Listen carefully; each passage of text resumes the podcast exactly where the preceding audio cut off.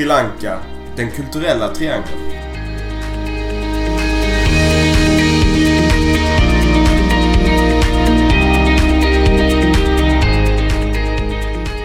Nu är det dags för den tredje och sista delen av vår Sri Lanka-resa. Vi har ju tidigare åkt på valsafari och leopardsafari på södra Sri Lanka. Det var då avsnitt två om ni har missat det. Och samt besökt höglandet med sina vackra teodlingar i avsnitt sju. Och nu i sista delen ska vi förkovra oss i landets kulturella sida. Sen kan vi faktiskt flika in för er som har lyssnat på avsnitt sju där vi är Candy att när vi besökte den här ädelstensmuseet där så köpte vi faktiskt en lila Safir. Ja, vi påstod ju att vi inte handlade, eller vi antydde att vi inte handlade, men det var ju inte sant. Nej, och det var ju för att eh, vi sa ju inte något om detta för, i podden för det var ju lite hemlighetsmakeri. Och det är ju nämligen så att den lila Safiren sitter i min vigselring nu. Så det var ingen som fick veta det innan bröllopet i augusti. Precis. Så det är ju något vi kan rekommendera att man gör faktiskt. Det funkar ju väldigt bra för oss. Köpa ädelstenar på Sri Lanka. ja. Men då ska det ju vara på ett seriöst ställe, det ska vi poängtera.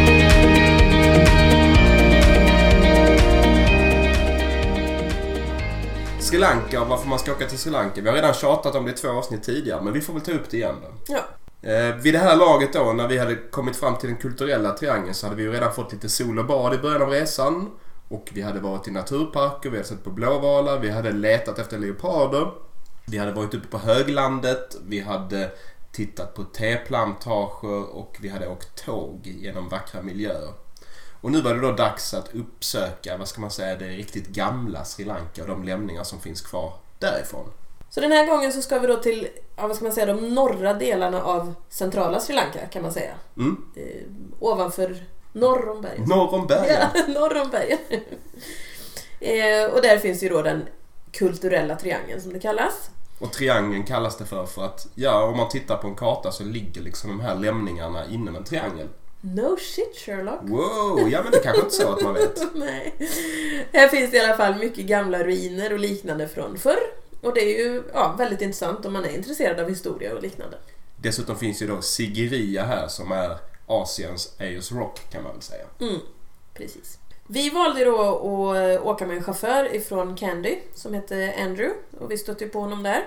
Ja, Andy from Candy. Ja, så det var vi som kallade honom för det och faktiskt inte han själv. Nej, det var det inte. Och målet då liksom med den här delen av resan var att vi skulle avverka fyra världsarv på tre dagar. Mm, ni kan ju alla förstå vem det är som har planerat den här delen av resan. ja, vi var ju där i juli och då var det ju väldigt varmt uppe i den delen. Ja, och återigen då så vill vi alltså, vad ska man säga, repetera tipset att man ska fundera på eh, vad det är man absolut mest vill se och uppleva på Sri Lanka och välja årstid utifrån det. För det är liksom olika årstider på olika delar av Sri Lanka vid olika tillfällen. Ja, olika klimatzoner helt enkelt. Ja, det låter mer komplicerat än vad det är men om det är någonting som är högsta prio, till exempel sol och bad, då ska man kolla när det är lämpligt i den delen av Sri Lanka där man tänker njuta av detta. Mm, precis. Och det är ju egentligen, den här delen av resan är väl egentligen eh, för alla som är intresserade av kultur och historia. Mm. Och man kan ju göra det med alla åldrar men det är väl kanske lite mer intresset för vuxna. Ja, det är väl lite mer Ja. en vuxendestination än en barndestination. Ja, framförallt eftersom det blir Alltså det kommer ni märka under den här resan, vi, eller den här delen av resan som vi gör, att det blir väldigt mycket kultur och mycket ruiner och liknande. Och då, alltså barnen kanske tycker det är kul att kolla på ett sånt här ställe. Kanske inte alla ställena liksom så. Det här med resa med chaufför är ju en jättegrej på Sri Lanka som väldigt många turister gör. Och det är ju någonting som vi vill rekommendera det här avsnittet också att man ska prova på. Absolut, man kan ju styra allting själv och det är väldigt smidigt. Du behöver inte tänka på bussar och tåg och allt vad det är. Utan du åker dit du vill liksom. Eh, exakta uppgifter om vad det kostar beror naturligtvis på vad det är för fordon man har, hur duktig man är på att prisförhandla och ja, eh, lite grann vad det är för en chaufför slash guide man har med sig. Mm. Men tänk i termer av 500 spänn svenska då per dag. Och då får du alltså bensin och chaufförens boende för de pengarna. Så får du själv betala för ditt eget boende. Men du Mm. har liksom fria transporter för 500 spänn per dag. Mm. Så är det nog ganska högt räknat. Men då, då har du det täckt. Ja. Och det är ju så att, alltså det här är ju så pass vanligt där som sagt var så att det är ju lätt att hitta chaufförer som är beredda att ta flera dagars, flera dagars upp, uppdrag liksom. De Mm. finns ju överallt. Det, Ja, det är bara att välja någon som man tycker Ja. man känner sig komfortabel med som man träffar längs vägen och frågar dem. Men vill man då vara av den mer planerande sorten så går det ju också att söka efter eh, chaufförer på nätet. Det finns en, ett otal av chaufförer och kontakttips som man kan hitta på nätet. Mm. Många av de här chaufförerna är ju beredda att eh, dela med sig av sina bästa tips och sina bästa rutter. Så vill man inte så behöver man inte ha läst på innan utan man kan låta chauffören ta hand om ens resa egentligen. Ja, det kan man ju absolut göra. Ja. För vår del var det lite tvärtom. Vi hade ju lagt, alltså i alla fall inte en rutt, men vi hade sagt, satt upp vart vi ville. Och sen så fick ju chauffören sätta ordningen vad som passade bäst. Liksom. Mm. Och det var ju faktiskt så att våran chaufför hade ju eh, inte varit på alla de här ställena när vi eh, ville dit. Nej. Så eh, han hade ju kört en del men inte just till alla de ställena. Så att, eh, ja, allt är ju möjligt liksom. Absolut. Mm. För att repetera då för de som inte har lyssnat på eh, vårt förra avsnitt om Sri Lanka eller de som har glömt vad vi sa då så träffade ju vi vår chaufför eh, utanför en bar egentligen eh, i Candy. Och bokade med honom att vi skulle åka med honom två dagar senare. Eh, och vi hade ju även fått se bilen. Ja, precis. Sen hade vi då honom i två nätter och tre dagar. Så han hämtade upp oss i Candy och så släppte han av oss vid boendet i Anuradhapura. Mm. Ja, vår chaufför Andrew han dök ju upp då eh, på morgonen efter att vi ätit frukost enligt avtal och eh, tog oss iväg norrut ifrån Candy. Eh, man kan väl säga att Candy ligger ju inte jätte, jättehögt men det är en bit upp på höglandet så han inledde med att köra ner på slätten. Mm. Och sen så fortsatte vi norröver. Och under tiden som vi reste så passade man ju på att intervjua honom om allt möjligt mellan himmel och jord som hade med Sri Lanka att göra Mm. extra minnesvärt var ju när han berättade allting om tuk-tuk-verksamhet egentligen. Ja, man kunde få en tuk-tuk för ungefär 10 000 svenska kronor. Ja, och då hade man sin business och var ready to go så att säga. Ja, och då blev du väldigt så här, oh, man kanske skulle köpa en tuk-tuk och köra runt i Sverige. Ja, det vore ett nytt liv. Ja, eh, jo, det vore det väl, men ja. Du var ju väldigt fascinerad av en annan grej, det här lotteriförsäljningen. Ja, men det var ju lite häftigt för det var ju så här snubbar som cyklade runt med en stor, eh, alltså vad ska man säga, med en, låda i fram typ.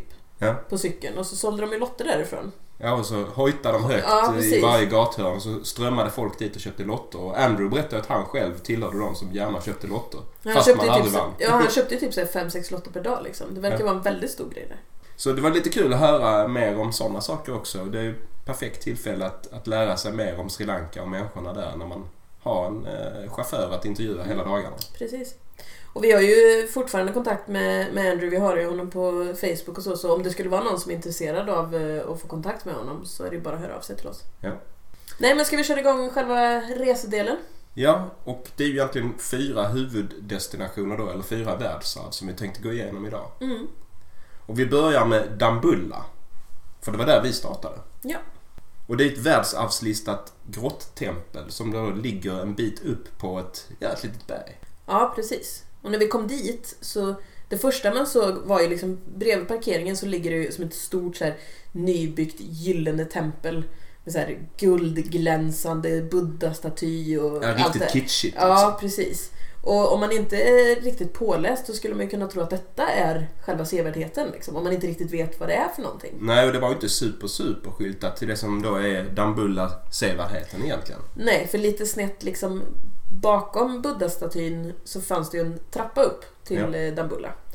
Eh, Och det var ju dit vi skulle. Ja, och det var ju varmt och svettigt som alltid så att klättra upp för längs den här trappan, eller ja, de här, En Trappa. massa trappsteg Ja. Mm, det var ju varmt. mm, det var det. Men det fanns underhållning på vägen. Ja, det gjorde det. En massa apor som Ja. man ska se upp för lite. Men de, alltså, de tar ju snacks och grejer ifrån dig om du inte håller hårt i det. Liksom. Ja, de är ju fotografiobjekt men de är också, ja, Små tjuvar. små tjuvar helt enkelt. Ja, vi såg ju en liten tjej som hade fått en ny glasstrut precis. Hade öppnat den och stod och skulle äta på den så kom det en och norpade åt sig den. Ja, det var faktiskt lite kul men man fick ju skratta lite i smyg. Ja, precis. Men i alla fall när vi kom upp, Dambulla, det var ju ett riktigt häftigt tempel faktiskt. Ja, Det bestod ju av flera rum i grottan liksom, i olika storlekar. Eh, Och i de här grottorna fanns det stora liggande buddha-statyer, rader med statyer i olika konstellationer. Och stenväggarna och taken var fyllda med målningar av Bud- Buddha. Och, ja, hur många olika Buddha som helst fanns det ju. Ja, det här var eh, lite annorlunda och verkligen någonting så vi vill rekommendera. Det här får man inte missa när man är på Sri Lanka. Nej, faktiskt inte. Det var, det var ja, som du säger, annorlunda framförallt. Att det var, det var lite häftig upplevelse så. Sen blir det ju lite alltså, kaka på kaka till slut för att det är väldigt många rum och det är väldigt många buddha-statyer men det är absolut värt att, att åka dit. Ja, alltså vissa av de här statyerna är ju alltså 2000 år gamla. Det Mm. bär ju respekt med sig. Ja, det gör det. Sen är det ju fantastisk eh, utsikt där uppe också för man kommer ju upp, vad var det nu, 160 meter upp tror jag det var. Ja. Eh, och det är ju liksom, då kommer man ju upp och man ser det här flacka landskapet runt omkring så det är ju Ja, det är ju häftigt på grund av det också. Ja, man ser riktigt långt och det är det här grönskande Sri Lanka återigen. Även om vi inte längre då är uppe på höglandet så är det Mm. fortfarande otroligt grönt.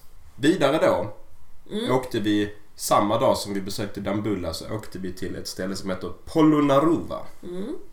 Och det är ju tidigare huvudstad på Sri Lanka faktiskt. Ja, eh, en gång i tiden. Mm. En forntida stad. Och där finns ju då massor med gamla lämningar i ruinformat ska vi säga till stor del. Mm, precis. Och detta, hela detta stora området då är ju världsarvslistat. Ja, ja. Och vi valde ju att eh, hyra cyklar för att ta oss runt där. Mm, vi hade läst i Lonely Planet tror jag att det Mm. skulle vara ett bra sätt att eh, navigera runt och det är det ju säkert. Men det kanske ska vara en annan årstid då. Det var otroligt varmt när vi var där.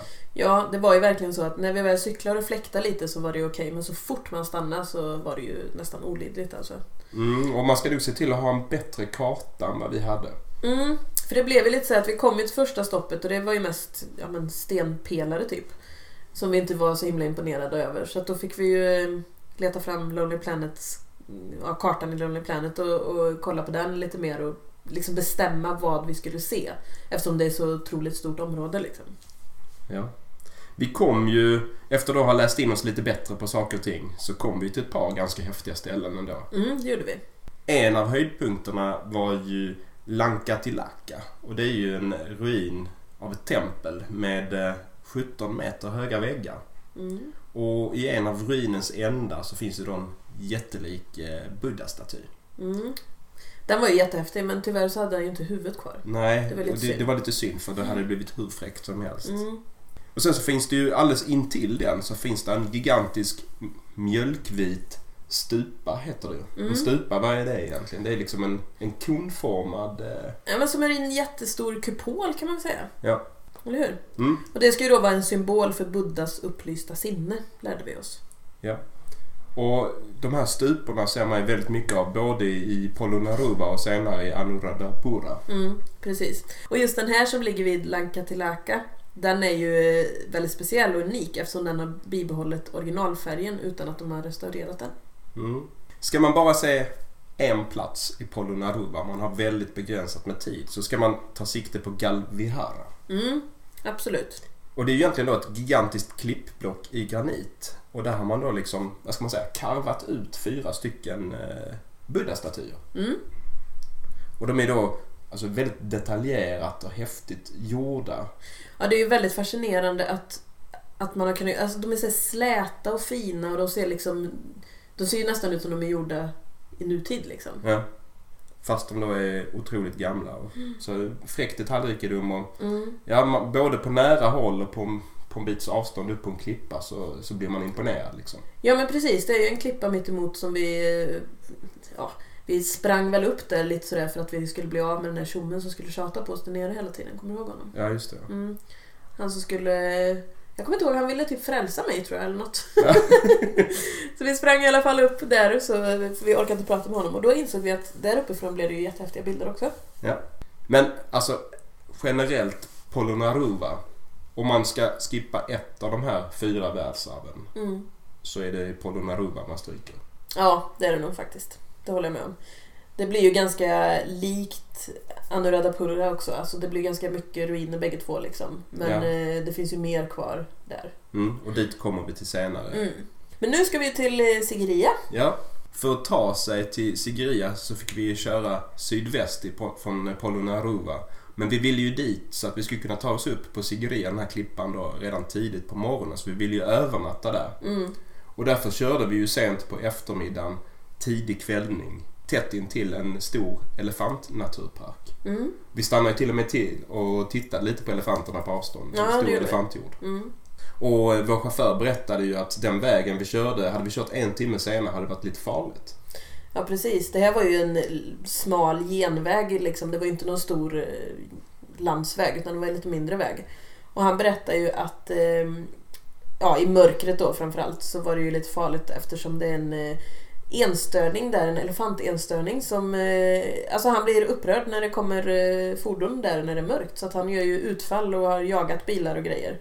Så eh, ja, vi var nog glada över att vi var där när det fortfarande var lite ljust ute. Sånt skulle man ju inte veta om man körde bil själv liksom. Nej, då hade vi ju mycket väl kunnat hamnat där, på den vägen. Vi bodde på ett ställe som vår chaufför Andrew hade fixat Mm. åt oss då, som heter Darshani Lodge. Det var ju riktigt bra. Eh, Och jag tror vi betalade strax under en 300 svenska Ja, något sånt. för en natt. då. Men det var ju stora fina rum med luftkonditionering och sånt och sen var det ju bra mat. Och, och där var det ju också så att det var ju ofta som det passerade elefanter förbi altanen när man sitter och äter frukost. Mm. Eh, Men vi hade ju tyvärr inte den turen den morgonen då. Men...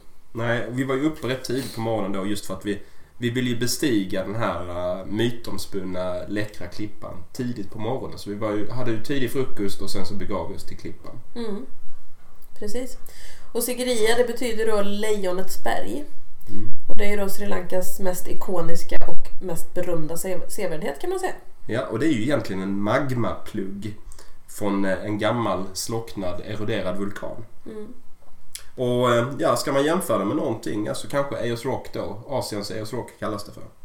I sin helhet så är berget då 380 meter högt och runt omkring det finns det då gamla trädgårdar lämnade. Och vad som har funnits uppe på berget, det, det råder ju delade meningar om det. Det har Ja. varit arkeologiska utgrävningar där i hundratals år, höll att säga, men i alla fall mer än hundra år. Ja, och en del hävdar ju att det var huvudstaden som låg där uppe. Andra säger att det har varit ett kloster. Ja, precis. Så det är väldigt så. Man vet inte riktigt helt enkelt. Nej. I alla fall, vi skippade alla de här trädgårdarna där runt omkring och begav oss direkt på klippan då för att vara upp så tidigt som möjligt. Ja, och det är ju fram, dels på grund av att det är mycket folk, det blir mer folk lite längre fram, men sen värmen framförallt. Vi ville ju gå så mycket som möjligt innan det blev för varmt. Ja. Och på vägen upp då så eh, var det ju till en inledning var det ju stentrappor. Ja, det var det ju. Först var det stentrappor och sen så blev det ju typ, ja men vad ska man säga, som en brandstege i metall nästan. Mm. Men den hade de ju liksom byggt för att man skulle komma upp till, eh, det är som ett grottliknande parti eh, i klippan där det är gamla målningar. Mm. Och eh, där tändes ju mitt intresse för det var ju målningar av eh, kvinnor med blottade bröst. Mm, precis. Då, då försvann höjdrädslan där. Ja, som annars hade gett sig visst uttryck. Och jag fokuserade lite på annat en stund. Mm, precis. Efter detta då så kom vi i alla fall upp till Lejonporten. Och då var det slut på skuggan ska ju sägas också. Ja, precis. Men vi hade ju ändå tagit oss högt innan det, innan det blev sol. Liksom. Eller innan vi fick solen på oss rättare sagt. Ja. Lejonporten kan jag ju tänka mig att det skulle ha kunnat varit en av världens häftigaste sevärdheter. Mm. Men tyvärr finns ju bara fötterna av lejonet kvar. Det är lite synd. Ehm, för förut har det ju varit liksom att man går in, eller trappan liksom, vad ska man säga, trappan gick upp mellan benen och så Mm. var väl huvudet, du gick väl liksom in i kroppen eller man ska säga. Ja. Så man kan föreställa sig ändå hur det har sett ut på ett ungefär. Och Mm. det känns ju väldigt spektakulärt. Precis. Så, så fötterna och trappan är ju kvar då, men inte själva huvudet. Mm. Själva klättringen uppför var ju kanske inte riktigt så tuff som vi hade föreställt oss. Håller du med? Ja, det håller jag med om. Det var inte... Alltså det var ju värmen egentligen som gjorde det jobbigt. Det var ju trappor liksom. Ja. Men när man väl kommit upp en bit så, så kom ju liksom brisen och, och tog Mm. tag i en och eh, svalkade rätt skönt. Ja, och framförallt när man kom upp till toppen och där var vi ju faktiskt rätt länge. Vi tog rätt god tid på oss tyckte vi. Mm, och vi fotade mycket och sådär. Annars är vi rätt snabba och effektiva. Men där vi hade rätt trevligt där uppe Mm. egentligen. Precis, det var väl lite så att vi vill inte börja gå ner igen där vi inte får någon fläkt på oss. så vi stannade där uppe ett tag. Men sen är det ju lite sådär, just det här med vad har funnits där uppe och allt det här, den diskussionen. Eh, det som är lite häftigt är att det är stora så bassänger uppe på toppen. Ja. Eh, där det har varit färskvatten liksom. Ja, och hur, alltså vi kunde inte riktigt förstå hur man fått upp färskvattnet där. Nej, exakt. Det är Eller, eller är det bara regnvatten eller vad är det? Vi, vi hade massa diskussioner om det och där kanske vi hade mått bra av en guide då men eh, Ja, who knows. Jag är inte säker på att de hade vetat säkert ändå. nej faktiskt. Eh, utsikten ifrån Sigiriya. Alltså om, om Ja. utsikten från Dambulla var häftig så är ju Sigiriyas utsikt ännu häftigare. Den är ju helt fantastisk och där har du verkligen 360 grader också. Ja. Så att det är ju halva grejen med att komma upp. Mm, det är det. Ja, den är, den är riktigt läcker faktiskt.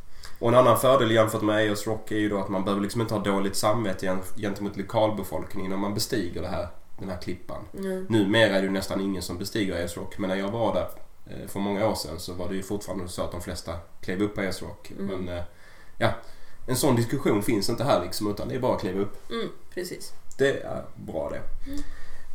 Däremot var ju nedkomsten, eller nedgången, inte nedkomsten. den var ju lite obehaglig för mig.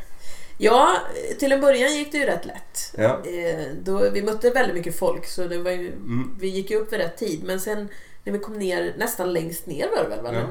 Då satt ju en sån här ormtjusare där. Ja, jag är ju ganska omrädd. Jag är inte bara rädd för höjder utan även för ormar. Nej. Så Rickard ville ju...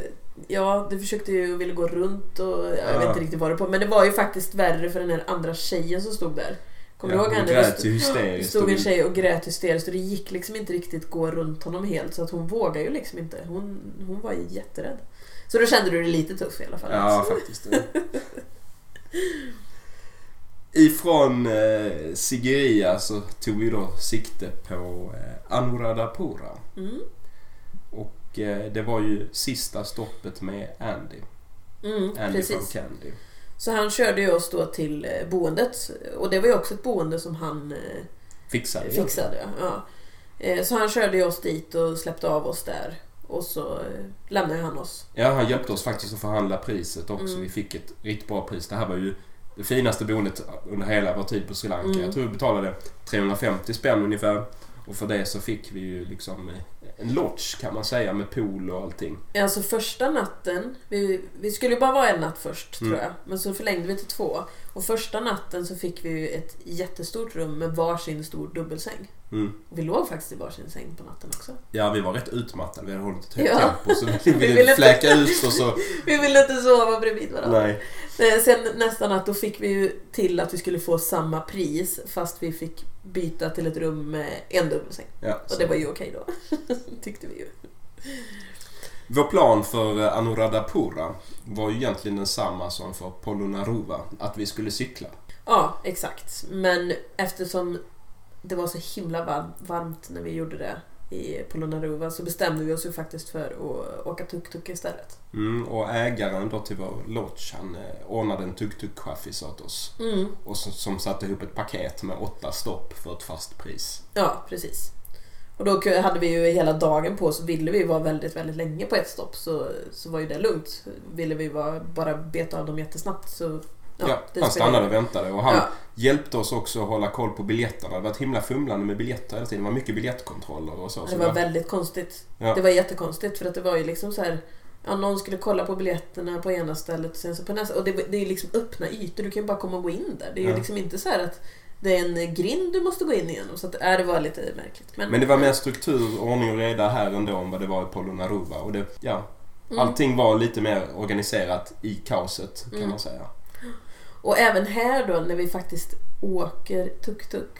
Ja. Då kommer det en typ en och en halv meter lång råttsnok och slingrar sig över vägen framför oss. Ja, jag var jätteglad med- att jag inte cyklade Ja, då. till och med då blev du rädd fast vi bara åkte förbi den. Ja, men vadå? Jag visste inte om den var giftig. Nej men hur skulle den kunna bita dig eller göra något mot dig då? Ja.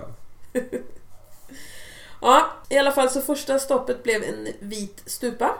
Mm. Och eh, det var ju då en gång i tiden en av, ja kanske världens största byggnadskonstruktion. Det var ju endast pyramiderna i Giza som kunde matcha den. Så det här är ju en rejäl grej alltså. Mm, verkligen. Ett annat stopp då eh, var en buddha-staty som sägs då vara den finaste på hela Sri Lanka. Samadhi Buddha. Mm. Inte så att man minns den sådär jättebra om jag ska vara helt ärlig. Nej, faktiskt inte. Vi besökte ju ytterligare ett antal stupor. Eh, flera av dem ganska imponerande. Och eh, vi ska inte ens försöka ge oss in på att uttala deras namn. Nej, den ena hette ju någonting Jetavanarama, något, något i stil med det. Och den sägs ju faktiskt vara byggd av 90 miljoner stenar. Och det påstås ju vara tillräckligt för att bygga en tre meter hög mur från London till Edinburgh. Mm, det säger ju en del om storleken på de här eh, Mm. kreationerna eller ja, Ja. religiösa byggnadskonsterna. Det finns ju ytterligare en som heter, nu ska vi se, Tup Tuparama Dagoba. Tuparama. Ja. Eh, och där är, den är förmodligen världens äldsta då och eh, där sägs ju att eh, Buddhas högra nyckelben finns. Mm, bara en sån sak. Buddhas högra nyckelben. Mm, precis. Ja, så det här var några av stuporna. Vi behöver inte gå igenom alla dem, det är ju hur många som helst. Men det var ju några av de mest anmärkningsvärda där. De är häftiga att se, man tar en bild och sen så drar man vidare. Men min favoritgrej, i alla fall storymässigt i Anuradhapura är ju den här, äh, det här heliga trädet. Mm. Alltså tänk att i 2000 år, helt utan avbrott, så har ju det här trädet då, ett eh, bodhiträd, har vaktats av speciella vakter för att det är så heligt. Mm. Och det togs från början till Sri Lanka av en prinsessa från Indien som hette Sangamitta. Och så planterade man då det här trädet på den här platsen. Och sen så i 2000 år så har det vaktats. Och det är då det äldsta existerande kända trädet som är planterat av en människa. Mm. Och det, alltså bara för att ge någon sorts referens till det hela så hade liksom i Sverige hade bronsåldern precis ersatts av järnåldern och vikingatiden låg tusen år framåt i tiden. Då planterades det här trädet och har vaktats sedan dess alltså. Mm. Det är helt det, sjukt. det är häftigt faktiskt. Och det här trädet kan man ju besöka. Man Mm. kommer inte in till det men man kommer till området och man kan ju se det skymta uppe på en liten höjd. Mm. Och runt omkring det finns ju en massa andra jättegamla träd som man har planterat. Som jag tror är Mm, sticklingar precis. från det här trädet egentligen. Ja. Och här får man ju då såklart ta av sig skorna för det är väldigt viktigt för dem att man eh, tar av sig dem. Eh, och sen så var det ju fullt med vitklädda pilgrimer som, som ber helt enkelt. Ja, och det är ju inte trädet i sig när man är på plats som är det häftiga utan det är ju den här äh, känslan av att man är på en väldigt helig plats Mm. för människor. Att de är så otroligt berörda de här pilgrimerna som är helt vitklädda. Precis, och man hör deras mässande liksom och allt det här. Så att, ja, det är en häftig upplevelse. För många av dem är det ju det största som händer i deras liv. I stort sett att besöka kanske det här trädet just den dagen när man själv är där. Mm. Det inger ju viss respekt alltså. Så storyn och känslan är egentligen det man vill fånga. Själva trädet i sig är ju ingenting att se. Nej, faktiskt inte. Vi avslutar med ytterligare en sån här stupa då som var väldigt eh, spektakulär och den var ju omgiven av en mur med flera hundratals eh, elefanter som står skuldra mot skuldra. Jag vet inte ens om jag ska ge mig på att Nej, gör inte. försöka uttala vad den hette. Någonting på R och ganska nära eh, det gamla trädet. Ja, det blir bra. Det räcker så. På vägen tillbaka då när vi hade sett på alla de här sevärdheterna så betalade vi vår tuk-tuk-chaffis lite extra pengar. Så stack vi till stationen och köpte tågbiljetter och sen så fick han ju hjälpa mig att hitta en frisör. Mm, precis. Jag gillar ju att besöka frisörer runt om i världen och prova på att gå in till någon och se vad som händer. Ja, det blir lite värre nu med det för nu har du ju rakat av håret. Ja, nu finns det inte så mycket möjligheter kvar. Men på den tiden Ja, på den gamla goda tiden. så kunde jag klippa mig på Sri Lanka för 12 kronor. Ja, Och kände att jag dricksade hejdlöst när jag betalade 18 spänn. ja eller? Rika västerlänningar vet Ja, du. jag vet det. Det var inte dåligt det. Ja, men om vi ska sammanfatta Anuradhapura. Det är svårt att ge namnen på platserna för det är så svårt att uttala dem. Mm. Men det är verkligen värt att lägga en dag här till att åka runt i en tuk-tuk och titta Mm. på de här ställena. Eh, Det är skithäftigt. Och som sagt, vad här är ju Lonely Planet väldigt bra. Ja. Eh, där du kan få många tips om vad som är värt att stanna vid och, titta på. Liksom. Definitivt. En plats då som... Vi var ju färdiga med Andy. Och eh, vi begav oss till huvudstaden Colombo med tåg. Mm. Och det är ju då inte en plats som är så mycket att se och uppleva egentligen. Nej, faktiskt inte. Vi stannade ju inte så länge heller. Vi var väl bara en natt. Mm, men vi gav ju ändå Colombo vissa försök och det blev ju Mm. mest fiasko hela tiden. Ja, faktiskt. Första kvällen var ju ändå väldigt minnesvärd. Mm. Det var ju, vi hade ju läst om eh, ett parkområde. Som heter Gall Face Green. Ja, precis. Som det, låg längs med havet. Ja, och det skulle ju vara en stor favorit, eh, alltså ett favoritställe för lokalborna att åka till på kvällarna liksom och hänga. Så tänkte vi att det lät ju nice liksom. Ja, så då, då, gör vi, då beger vi oss dit och minglar med lokalbefolkningen. Ja, så det gjorde vi ju. Och det var ju... Ja, vi kom ju dit för tidigt till början. Ja, för det första kom vi dit för tidigt. Ja. Så de hade ju inte ens öppnat upp de här små kioskerna och sånt. Utan de, de gjorde ju det under tiden vi var där. Eh, så det var ju små kiosker och grillstånd och sånt där man kunde köpa något att äta. Men det var samma rätt i varenda kiosk. Det var kanske hundra kiosker med exakt samma rätter. Ja, Och de kändes sådär tveksamt tillagade. Det var friterade räkor av något slag som, ja jag vet inte. ja, vi var lite sådär just med magsjuka att vi, vi skulle ju flyga också dagen efter till Maldiverna så vi ville väl inte inleda med magsjuka där. Nej, precis. Men en sak som var häftig här på Goldface Green. Mm. Det var ju de här märkliga eh, idrottsövningarna som pågick. Ja, som vi fortfarande inte riktigt vet vad de... Alltså, vad gjorde de egentligen? Ja, alltså, och jag vet inte riktigt vad man ska likna det vid. Men om man på något sätt kombinerar någon sorts ledarledd öststatsgymnastik med visselpipa. Med Friskis och Svettis och sen så någon sorts fumlig musikkårsparad. Då, då hamnar man i det här som vi fick bevittna liksom. Ja, ungefär så. Ja. Det, var, det var ju liksom olika grupper som spatserade runt kan man nästan säga och gjorde Ja. några konstiga övningar. Ja, män och kvinnor tillsammans, gamla och unga. Mm. Och så var de ju klädda, alltså man såg att det var olika grupper för de var ju klädda i olika då. Alltså den ena var grön till exempel. Ja. Och så. Så, men jag försökte ju fråga någon där vad det var för någonting och han svarade ju men engelskan är ju lite svårförstådd ibland så vi fattar ju inte riktigt vad han menar. Nej. Tyvärr, det hade varit intressant att veta vad det var. Mm. Ja, det var intressant att se i alla fall. Ja, det var väl det. Dagen efter då hade vi ju lite tid till att lägga i Colombo i övrigt också. Mm. Och vi tog sikte på, eh, vad ska man kalla det för? Äldsta delen av stan, eller gamla stan, då, Colombo Fort. Ja, och det, var ju, det blev ju också en liten besvikelse. Mm, det, var, alltså det var en del koloniala byggnader och sådär men det var väldigt dåligt skick. Ja, det var ju det och det fanns ju liksom inte så mycket och, alltså det var ju, Vi hade väl tänkt oss att det kunde vara lite butiker och alltså så. Men det var det ju inte utan vi gick runt där lite och kände att shit vad varmt det är. Det här kan, Ja. vi, inte, här kan vi inte gå runt och inte göra något typ. Så då fick vi ju den eminenta idén att åka till ett shoppingcenter så vi skulle ha något att göra. Ja, och vi slog i Lonely Planet och åkte på det som skulle vara störst och bäst. Ja, jag. det var ju total katastrof. Det var ju liksom... Ja, det var konstigaste varuhuset jag varit med om. För det första så var det ju bara... Det fanns ju inga...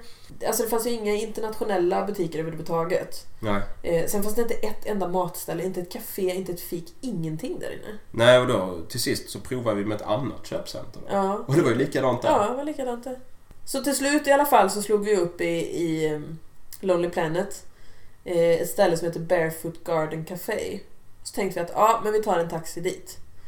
Eh, Så det gjorde vi ju och det var ju runt hörnet så att den taxichauffören tjänade ganska bra pengar. Men Mm. vi visste inte riktigt vart vi var på kartan så det fick bli så. Ja, det var ett väldigt mysigt, mysigt café. Eh, överprisat visserligen men eh, Mm, där men det var kunde vi fördriva lite tid ja, det var ju som en liten oas där och det fanns ju liksom någon galleri och någon liten butik och sådär. Så det var, det var mysigt faktiskt. Så det Mm. var, vi slog bort några timmar i alla fall innan vi skulle vidare till Maldiverna därifrån. Men Colombo alltså, lägg ingen tid där om ni inte måste. Det är ju Nej. bara för att flyga in och ut men ja, man kan skippa det. Ja, alltså ska du vara där då åker du ju snarare till Negombo Mm. där flygplatsen ligger och där har du ju stränder och grejer. Ja. Så i så fall kan man bara ta en dagstur in till Colombo om man gärna vill se det. Mm.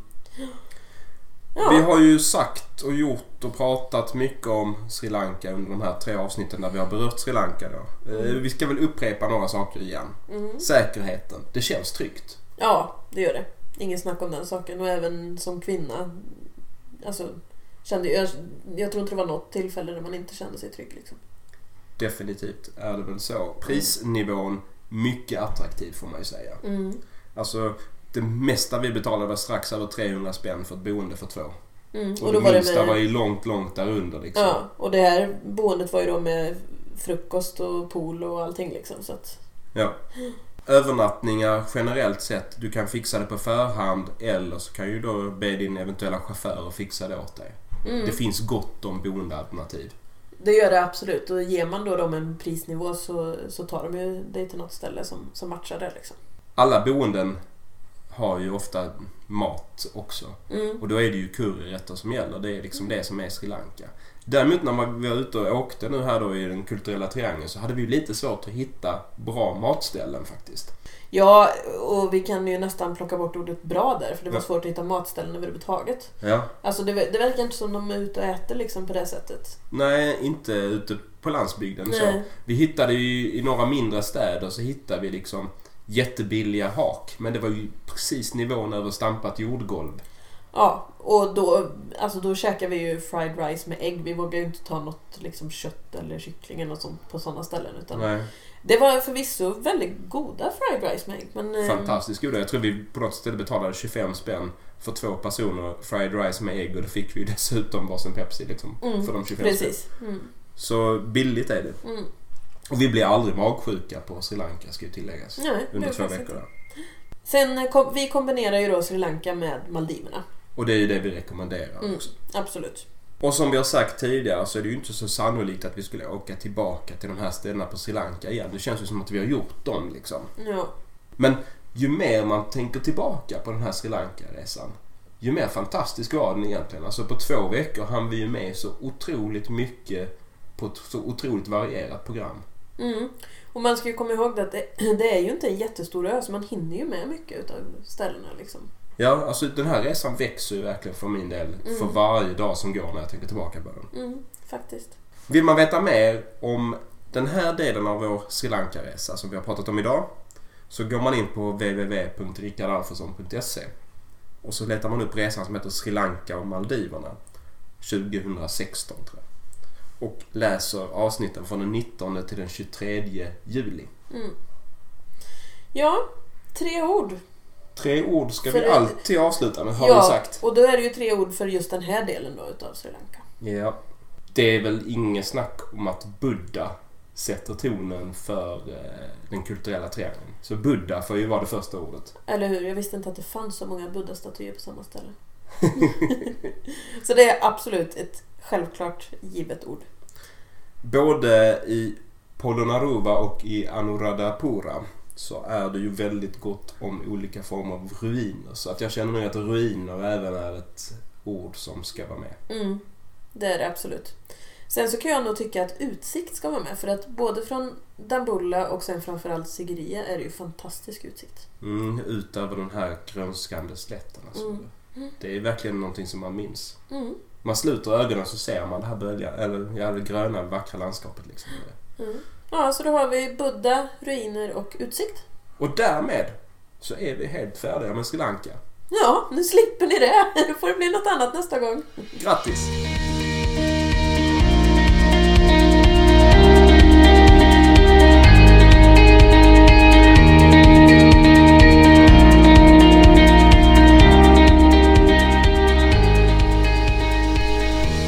Gärna in på vår hemsida www.restam.se där vi bland annat lägger ut bilder från våra resor. Där kan ni även komma med feedback eller ställa frågor via ett frågeformulär. Annars mejlar ni oss direkt på restam.outlook.com. Följ oss även på Facebook och Instagram. Sök på Restam så hittar ni oss där.